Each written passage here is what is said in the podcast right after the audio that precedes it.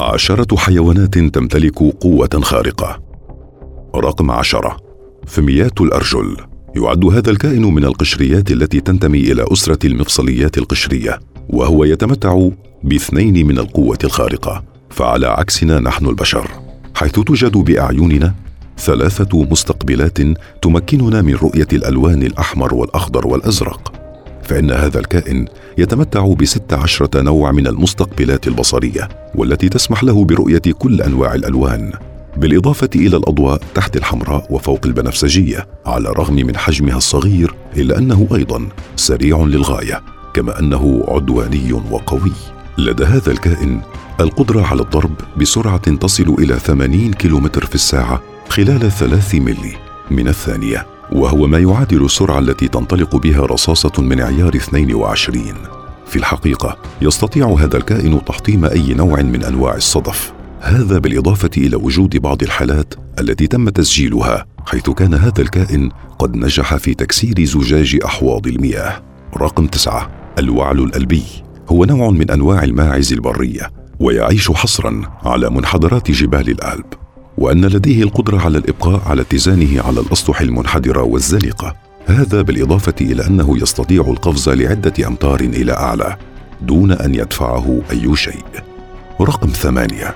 تيولا. يعرف هذا الكائن باسم قنديل البحر الخالد.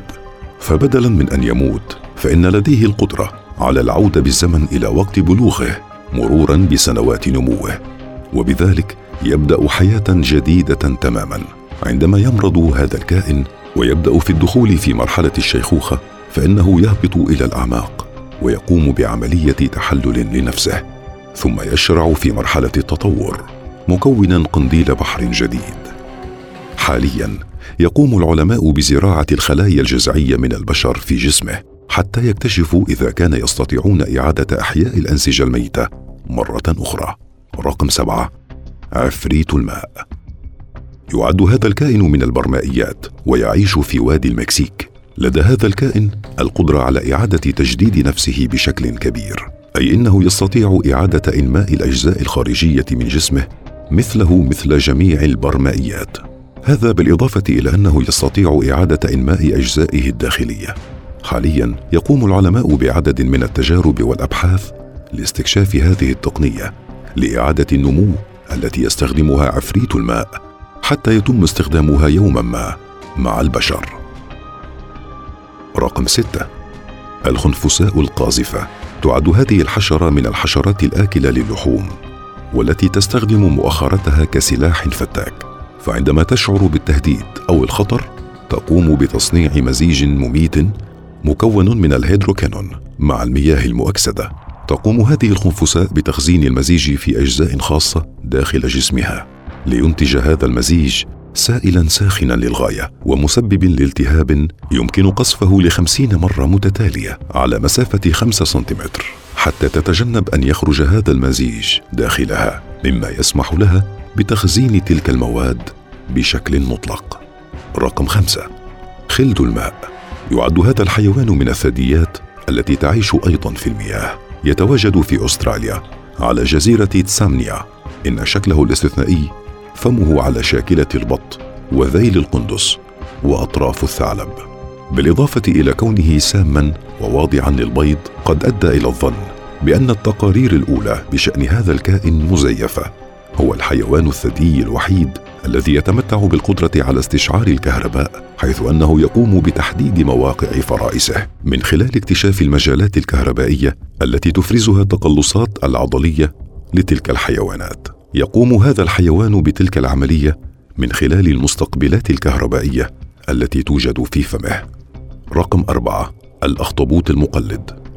إلا أن الأخطبوط المقلد هو الوحيد الذي يستطيع تغيير شكل جسمه بحيث يتظاهر بأنه حيوان ذو شكل مختلف تماما. عندما يشعر بالخطر فإنه يستطيع تغيير لونه واتخاذ وضع مخيف أو الإبقاء على وضعه. رقم ثلاثة الربيان القاذف. هو كائن صغير الحجم ولكنه يتمتع بالكثير من القوة.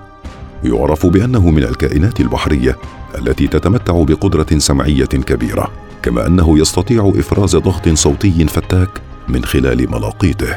وبالتالي فهو يظهر صوتا مدويا يشبه الانفجار ثم يقوم بإغلاق ملاقيته بسرعة وكأنه قد أطلق فقاعة بسرعة 77 كيلومتر في الساعة ودرجة حرارة تصل إلى 4700 درجة مئوية وهو ما يماثل درجة حرارة الشمس. من الممكن لهذه الموجة الصادمة قتل فرائس هذا الربيان. رقم اثنين. السحلية ذات القرون. هي من الزواحف الصغيرة الحجم التي لا يتعدى طولها الاثنا عشر سنتيمترا.